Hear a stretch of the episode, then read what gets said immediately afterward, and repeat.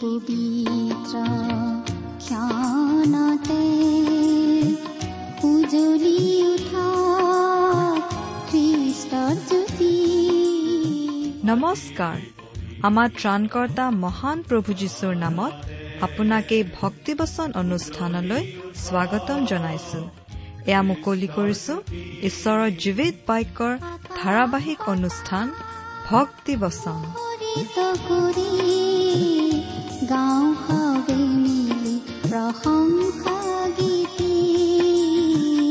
গাঁও হাৱে মিলি প্ৰশংসা গীতি আজিৰে পবিত্ৰ ক্ষণতে উজলি উঠা খ্ৰীষ্টৰ জ্যোতি আপোনাৰ জীৱনত যদি শান্তি পাব বিচাৰে তেন্তে এয়া ঈশ্বৰৰ বাক্যৰ সান্তনা বাক্য ভক্তি বচন।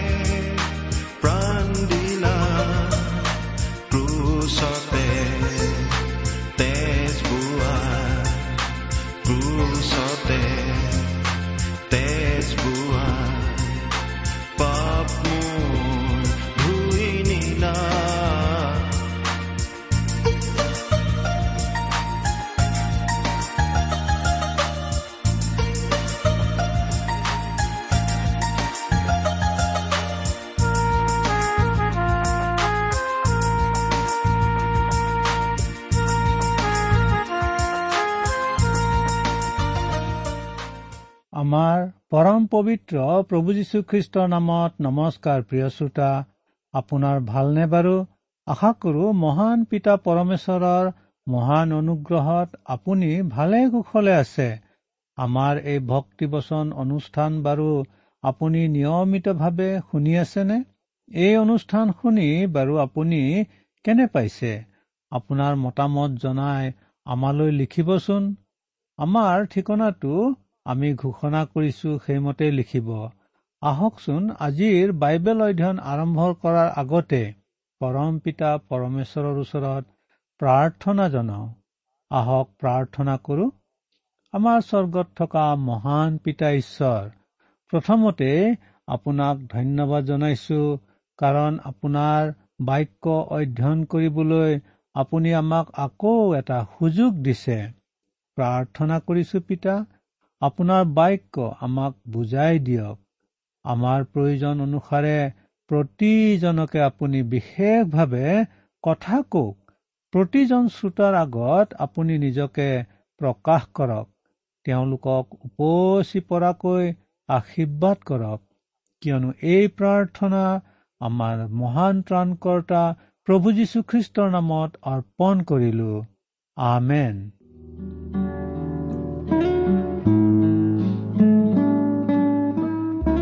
প্ৰিয় শ্ৰোতা আমি ইতিমধ্যে বাইবেলৰ পুৰণি নিয়ম বা পুৰাতন বিধানৰ হুচীয়া ভাৱবাদীৰ পুস্তকখনৰ অধ্যয়ন আৰম্ভ কৰিছো আৰু ইতিমধ্যে আমি সেই হুচীয়া পুস্তকৰ দহ নম্বৰ অধ্যায়টোলৈকে আমাৰ অধ্যয়ন আগবঢ়াইছো।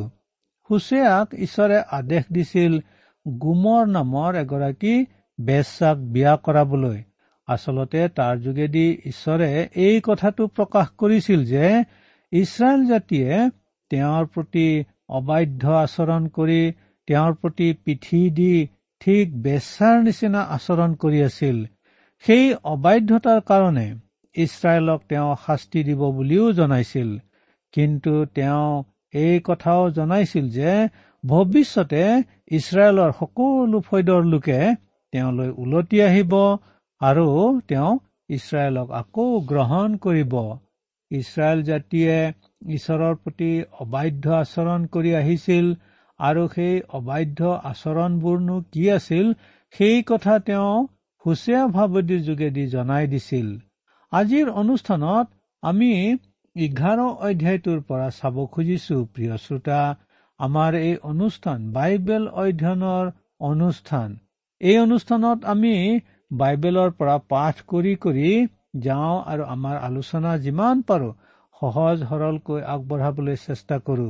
গতিকে এই অনুষ্ঠান শুনিবৰ সময়ত লগত এখন বাইবেল লৈ লোৱাটো খুব প্ৰয়োজনীয়।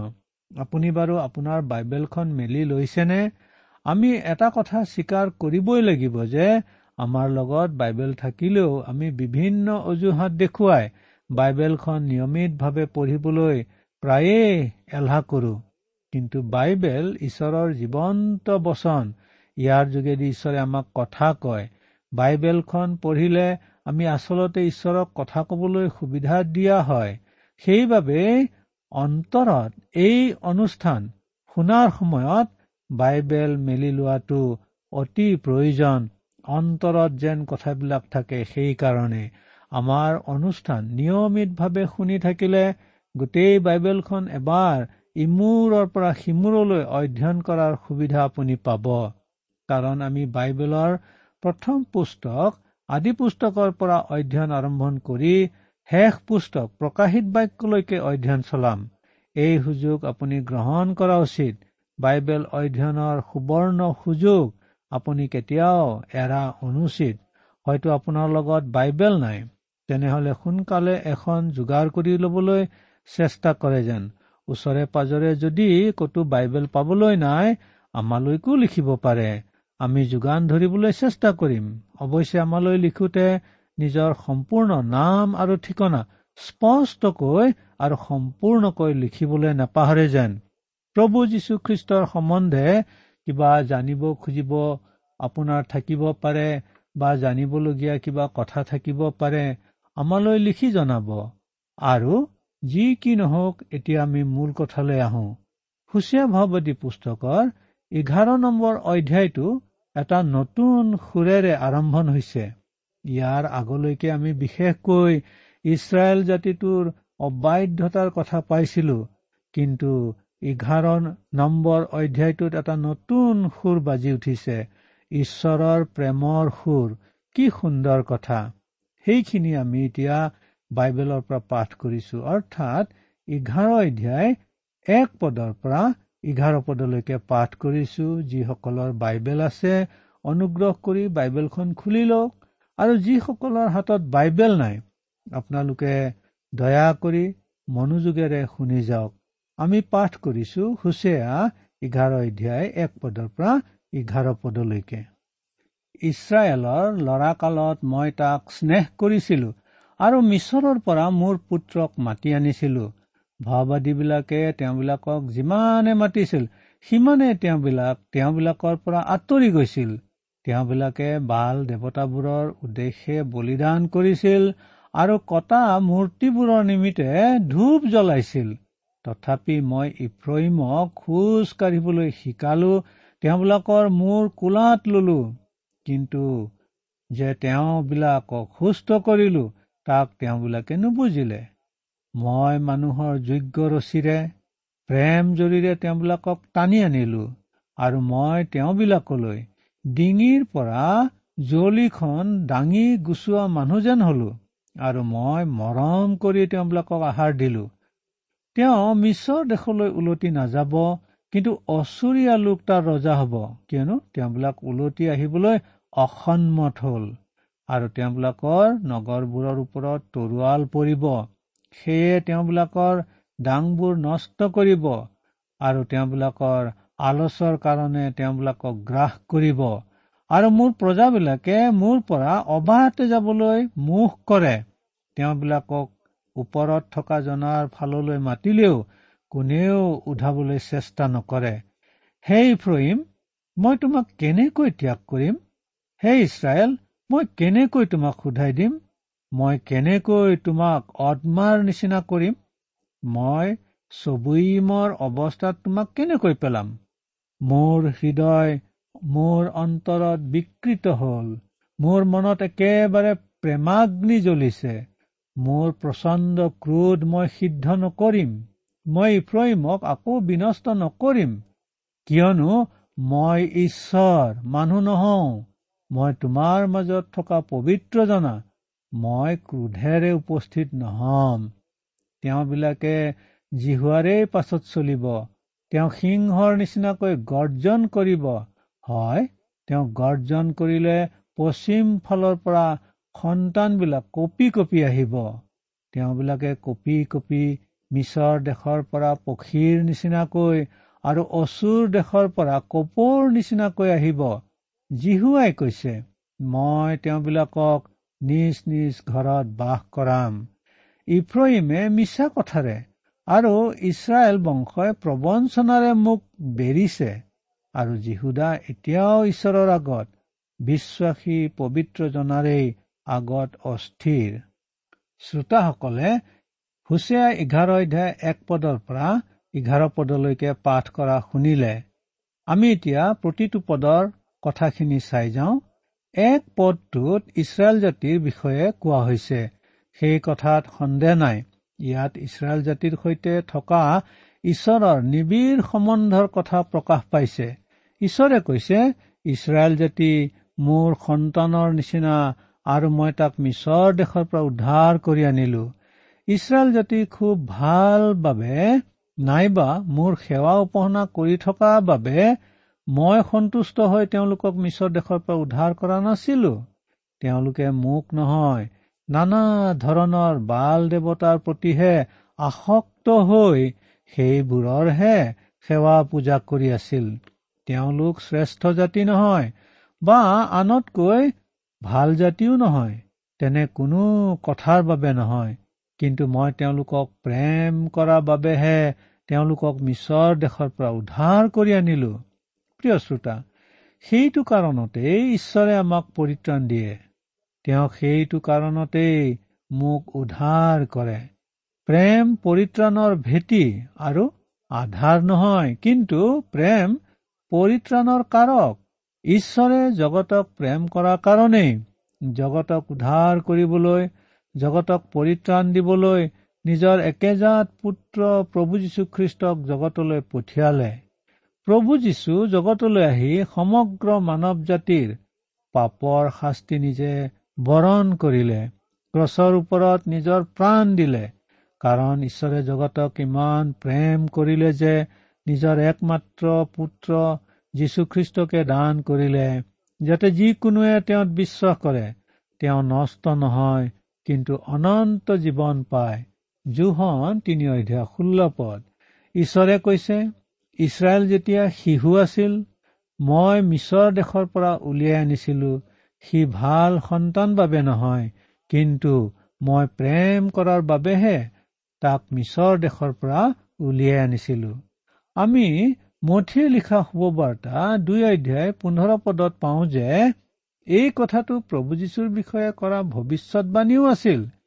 পুৰণি নিয়মত থকা বহুতো কথা বহুতো পদ নতুন নিয়মত খাপ খায়। বৈতলেহেমত জন্মা শিশু যীশুক এই ইছৰাইল জাতিৰূপী শিশুৰ লগত তুলনা কৰা হৈছে। প্ৰভু যীশু ইছৰাইল জাতিৰ লোক আছিল। সেই চমৰীয়া তিৰোতাগৰাকীয়েও এই কথা কৈছে। যেতিয়া প্ৰভু যীশুৱে তাইৰ হাতৰ পৰা পানী খাব খুজিছিল তেতিয়া তিৰোতাগৰাকীয়ে কৈছিল আপুনি যিহুদী লোক হৈ মোৰ হাতেৰে পানী খাবনে? প্ৰভু যীশুৱে নিজৰ জাতিৰ লোকৰ সৈতে নিজকে চিনাকি দিছিল। নিজৰ জাতীয়তা তেওঁ অস্বীকাৰ কৰা নাছিল। তেওঁ শিশু থাকোতে তেওঁক পিতৃ মাতৃয়ে মিছৰ দেশলৈ পলুৱাই নিছিল। কিন্তু পাছত তেওঁক মাক দেউতাকে ঈশ্বৰৰ নিৰ্দেশ মতে আকৌ মিছৰ দেশৰ পৰা ইছৰাইল দেশলৈ লৈ আহিছিল। তাতে তেওঁ নিজৰ জীৱনৰ যোগেদি ঈশ্বৰৰ প্ৰেম প্ৰকাশ কৰি ক্ৰছৰ ওপৰত নিজৰ প্ৰাণ বিসৰ্জন দিছিল। সমগ্ৰ মানুহ জাতিৰ পাপৰ প্ৰায়চিত কৰিবৰ কাৰণে যাতে তেওঁৰ সেই ক্ৰচীয় মৃত্যুৰ আধাৰতে পিতৃ ঈশ্বৰে মানৱৰ পাপ ক্ষমা কৰিব পাৰে যাতে তেওঁক ত্ৰাণকৰ্তা বুলি গ্ৰহণ কৰি মানৱে পৰিত্ৰাণ লাভ কৰিব পাৰে। প্ৰভু যীশুৱে নিজকে যিহুদী বুলিও চিনাকি দিছিল নিজকে মানৱ জাতিৰ এজন বুলিও চিনাকি দিছিল। আৰু সমগ্ৰ মানৱ জাতিৰ প্ৰতিনিধিত্ব স্বৰূপে নিজকে বলি হিচাপে আগবঢ়াই দিছিল। সেইবাবেই তেওঁ মানৱ জাতিৰ ত্ৰাণকৰ্তা আপোনাৰ মোৰ আৰু সকলোৰে ত্ৰাণকৰ্তা। আমি মাত্ৰ তেওঁক ত্ৰাণকৰ্তা বুলি স্বীকাৰ কৰি তেওঁক গ্ৰহণ কৰিব লাগে মাথোন। তেতিয়াই আমি পৰিত্ৰাণ পাওঁ মুক্তি লাভ কৰো। আপুনি বাৰু তেওঁক গ্ৰহণ কৰিলেনে প্ৰিয় শ্ৰোতা? আপুনি তেওঁক গ্ৰহণ কৰিবনে? দুই পদত আমি পাওঁ ঈশ্বৰে আন আন জাতিবোৰক কণান দেশৰ পৰা উচ্ছেদ কৰিছিল কাৰণ তেওঁলোকে অপদেৱতাবোৰৰ পূজা কৰিছিল। কিন্তু সেই কণান দেশলৈ আহি ইছৰাইলীয় লোকবিলাকেও একেই কুকৰ্ম কৰিবলৈ ধৰিছিল। তাৰ পাছত তিনি পদত আমি পাইছো ঈশ্বৰে কিন্তু ইছৰাইল জাতিৰ আবদাল কৰিছিল আৰু তেওঁ মৰমেৰে সেই কামটো কৰিছিল। তেওঁলোকক নানা প্ৰকাৰে আশীৰ্বাদ কৰিছিল। চাৰি পদটোত ঈশ্বৰে কৈছে মই তেওঁলোকক জোৰ কৰি মোৰ বহতীয়া কৰিব খোজা নাই। মোৰ কথা জানিবলৈ মই বাধ্য কৰোৱা নাই। প্ৰিয় শ্ৰোতা আজিও ঈশ্বৰে আমাক কোনো কাম কৰিবলৈ বাধ্য নকৰায় বহুতো লোকে কয় ঈশ্বৰে এনেকুৱা কিয় নকৰে? তেনেকুৱা কিয় নকৰে? কৰিলেই ঠিক হৈ গলহেঁতেন। কিন্তু প্ৰিয় শ্ৰোতা ঈশ্বৰৰ আমাৰ সৃষ্টিকৰ্তা। আমি তেওঁৰ সৃষ্ট জীৱ মাত্ৰ কিন্তু কিয় কিবা এটা কৰে বা নকৰে তেওঁহে ভালদৰে জানিব। বহু কথাই আমি নাজানো। বহুতো প্ৰশ্নৰ উত্তৰ আমি নাজানো। কিন্তু এটা কথা আমি জানো যে ঈশ্বৰে আমাক জোৰকৈ কাম নকৰোৱাই আমাক জুঁৱলি লগোৱা গৰুৰ নিচিনা তেওঁ কৰিব নোখোজে। আমি যি কৰো স্ব ইচ্ছাই কৰাটো তেওঁ বিচাৰে। তেওঁ আমাক কয় বোপা মই তোমাক জোৰ নকৰো। তোমাক ঠেলি হেঁচি কাম কৰাব নোখোজো। কিন্তু মই তোমাক মাত্ৰ এটা কথাই জনাব খোজো যে মই তোমাক প্ৰেম কৰো। তোমাৰ মংগল হোৱাটো মই বিচাৰো। প্ৰিয় শ্ৰোতা ঈশ্বৰে আজিও আমাক সেই কথাই কব খোজে। এতিয়াও সেই কথাই তেওঁ আমাক কয়। তেওঁ স্বৰ্গ নৰ্ক কপাই আজি আপোনাৰ হৃদয়ৰ দুৱাৰত থিয় হৈ আছে। তেওঁ দুৱাৰত থিয় হৈ নম্ৰভাৱে টুকুৰিয়াই আছে আৰু কৈছে চোৱা মই তোমাৰ হৃদয় দুৱাৰত থিয় হৈ টুকুৰিয়াই থাকো। প্ৰকাশিত বাক্য তিনি অধ্যায় বিশ পদ। তেওঁ দুৱাৰতে থাকে। কেতিয়াও দুৱাৰ ভাঙি সোমাই নাহে। কিন্তু আমি তেওঁৰ প্ৰেমৰ আহ্বানৰ প্ৰতি সঁহাৰি দি আমাৰ হৃদয়ৰ দুৱাৰ মেলি দি তেওঁক ভিতৰলৈ মাতিলেহে তেওঁ আমাৰ হৃদয়লৈ আহিব? আমি প্ৰভু যীশুৰ সেই প্ৰেমৰ আহ্বানলৈ সঁহাৰি দি তেওঁক ত্ৰাণকৰ্তা বুলি গ্ৰহণ কৰি আমাৰ হৃদয়লৈ আহ্বান কৰিলেই তেওঁ আমাৰ হৃদয়লৈ আহে আৰু আমি পৰিত্ৰাণ লাভ কৰো। তেওঁ আমাক আৰু কেতিয়াও পৰিত্যাগ নকৰে। প্ৰিয় শ্ৰোতা প্ৰেমৰ আহ্বান সকলোতকৈ শক্তিশালী আহ্বান। প্ৰভু যীশুৰ সেই প্ৰেমৰ আহ্বান আপুনি যদি শুনি আছে অৱহেলা নকৰিব। তেওঁক আপোনাৰ হৃদয়লৈ মাতক। তেওঁ আহিব তাত কোনো সন্দেহ নাই। কাৰণ তেওঁ তেওঁৰ কথা কেতিয়াও নেপেলায়। পাঁচ পদত আমি দেখিছো ইছৰাইলীয় লোকবোৰে আকৌ মিছৰীয়া লোকৰ ওচৰলৈ গৈছিল। কিন্তু দেখিলে যে মিছৰীয়া লোকবোৰ তেওঁলোকৰ শত্ৰু। তেতিয়া তেওঁলোক অচৰীয়া লোকবিলাকৰ ওচৰলৈ গ'ল। কিন্তু ঈশ্বৰে কৈছিল মই অচৰীয়াবিলাকক তেওঁলোকৰ ৰজা পাতিম। আৰু ঠিক সেইদৰে ঘটিছিল। অচৰীয়াবিলাকে তেওঁলোকক পৰাস্ত কৰি বন্দী কৰি দেশান্তৰিত কৰিছিল। ছয় আৰু সাত পদত অবাতে যোৱা কথাটো আকৌ উল্লেখ কৰা হৈছে। বলদ এটাক আগলৈ যাবলৈ হেঁচুকি দিলে। বলদটোৱে মাটিত আগ ঠেং দুটা পেলাই বহি আগলৈ নগৈ পিছবলৈ ধৰা আমি প্ৰায়ে দেখি থাকো। ঠিক তেনেকুৱা এটা কথা ইয়াত বুজোৱা হৈছে। অবাধ্যতা। ঈশ্বৰৰ বচনৰ প্ৰতি অবাধ্যতা। এনে এটা কথা ইয়াত প্ৰকাশ পাইছে। ইছৰাইলৰ লোকবিলাকে ঈশ্বৰৰ কথালৈ কাণ নিদি নানা ধৰণে অবাধ্যতা প্ৰদৰ্শন কৰিছিল। আঠ আৰু ন পদত আমি এটা ইতিবাচক সুৰ শুনিবলৈ পাইছো। আশাৰ সুৰ। আৰু বৰ সুন্দৰ সুৰ। আমাৰ এনেকুৱা লাগে ঈশ্বৰৰ যেন এটা দুমোজাৰ সৃষ্টি হৈছে। তেওঁ কৈছে হেই ফ্ৰহিম মই তোমাক কেনেকৈ পৰিত্যাগ কৰিম? হে ইছৰাইল তোমাক মই কেনেকৈ এৰি দিব পাৰো? তেওঁ ইছৰাইল জাতিক ত্যাগ কৰিব নোখোজে। ঈশ্বৰে তেওঁলোকক প্ৰেম কৰে কিন্তু তেওঁলোকৰ পাপৰ কাৰণে ঈশ্বৰে কিন্তু তেওঁলোকক শাস্তি দিবই লাগিব। কিন্তু ঈশ্বৰে ইছৰাইল জাতিক প্ৰেম কৰাৰ কাৰণেই তেওঁলোকক উদ্ধাৰ কৰিবও বিচাৰে। প্ৰিয় শ্ৰোতা ঈশ্বৰে মানৱ জাতিক প্ৰেম কৰে কিন্তু মানৱৰ পাপৰ শাস্তি তেওঁ মানৱক দিবই লাগিব। কিন্তু তেওঁ মানৱক উদ্ধাৰ কৰিবও বিচাৰে। সেইবাবেই তেওঁ প্ৰভু যীশুক জগতলৈ পঠালে। প্ৰভু যীশুৱে মানৱৰ পাপৰ শাস্তি নিজেই ললে। গতিকে মানৱৰ পাপৰ শাস্তি দিয়া হৈ গল। মানৱে আৰু শাস্তি পাব নালাগে। কেৱল প্ৰভু যীশুক ত্ৰাণকৰ্তা বুলি বিশ্বাস কৰিলেই হ'ল। এনেদৰেই ঈশ্বৰে মানৱক উদ্ধাৰ কৰিব পৰা হ'ল। আজি আমি সকলোৱে প্ৰভু যীশুক ত্ৰাণকৰ্তা বুলি গ্ৰহণ কৰি পৰিত্ৰাণ লাভ কৰিব পৰা হলো। কেনে আনন্দৰ কথা নহয়নে প্ৰিয় শ্ৰোতা? সেই কথা যদি আজি জগতৰ মানুহে বুজিলেহেঁতেন কিমান সুন্দৰ কথা হলহেঁতেন। মই কেনেকৈ তোমাক অদমাৰ নিচিনা কৰিম? মই চবুইমৰ অৱস্থাত তোমাক কেনেকৈ পেলাম? অদমা আৰু চবুইম নামৰ নগৰ দুখনৰ সৈতে ঈশ্বৰে ধ্বংস কৰিছিল কিন্তু তেওঁ ইছৰাইল জাতিক তেনেদৰে ধ্বংস কৰিব খোজা নাই। কিন্তু তেওঁ ইছৰাইলক শাস্তি দিবলগীয়া হৈছিল। সেইবাবে আজিও চমৰীয়া অঞ্চল মৃত অঞ্চল ভগ্ন অঞ্চল আৰু নিৰ্জন অঞ্চল মোৰ হৃদয় মোৰ অন্তৰত বিকৃত হল। মোৰ মনত একেবাৰে প্ৰেমাগ্নি জ্বলিছে। মোৰ প্ৰচণ্ড ক্ৰোধ মই সিদ্ধ নকৰিম। অৰ্থাৎ ইয়াৰে জীহুৱাই কৈছে ইছৰাইল জাতিয়ে আচলতে যিমান শাস্তি পাব লাগিছিল সিমান নাপালে। ঈশ্বৰে ইছৰাইল জাতিক শাস্তি দিলে ঠিকেই কিন্তু তেওঁ এদিন আকৌ তেওঁলোকক উদ্ধাৰ কৰি আনি নিজৰ দেশত পুনৰ সংস্থাপিত কৰিব বুলি জনাই দিছিল।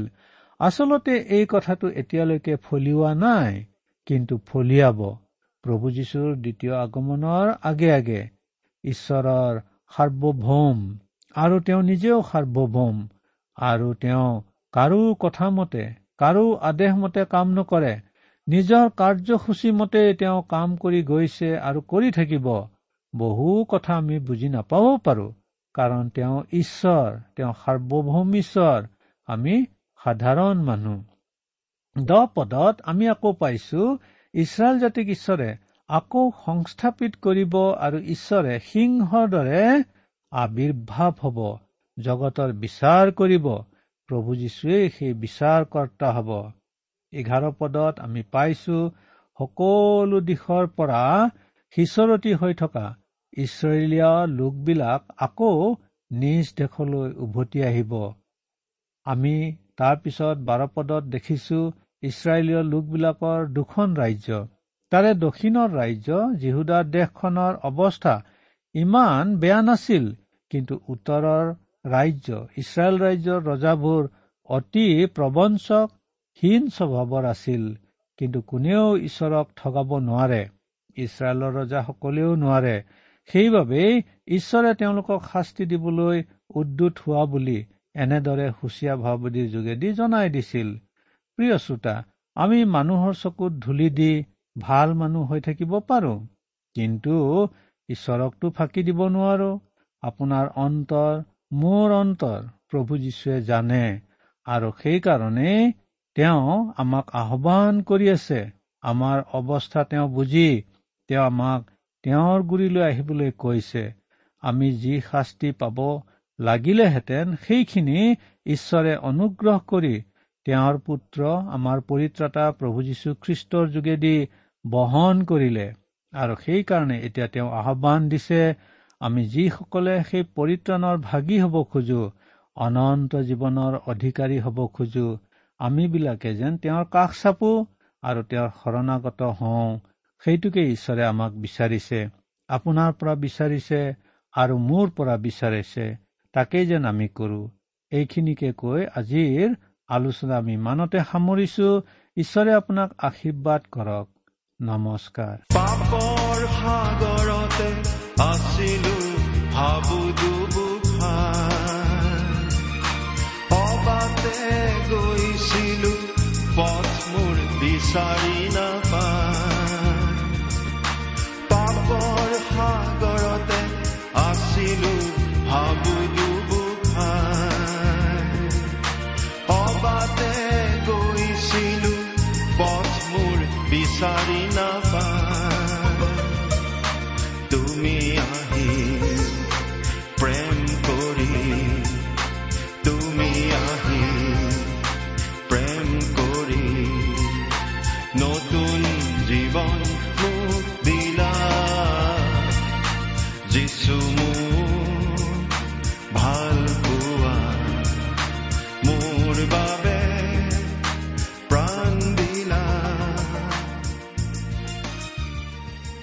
পৰে আপুনি ভক্তিবচন অনুষ্ঠানটি শুনিলে।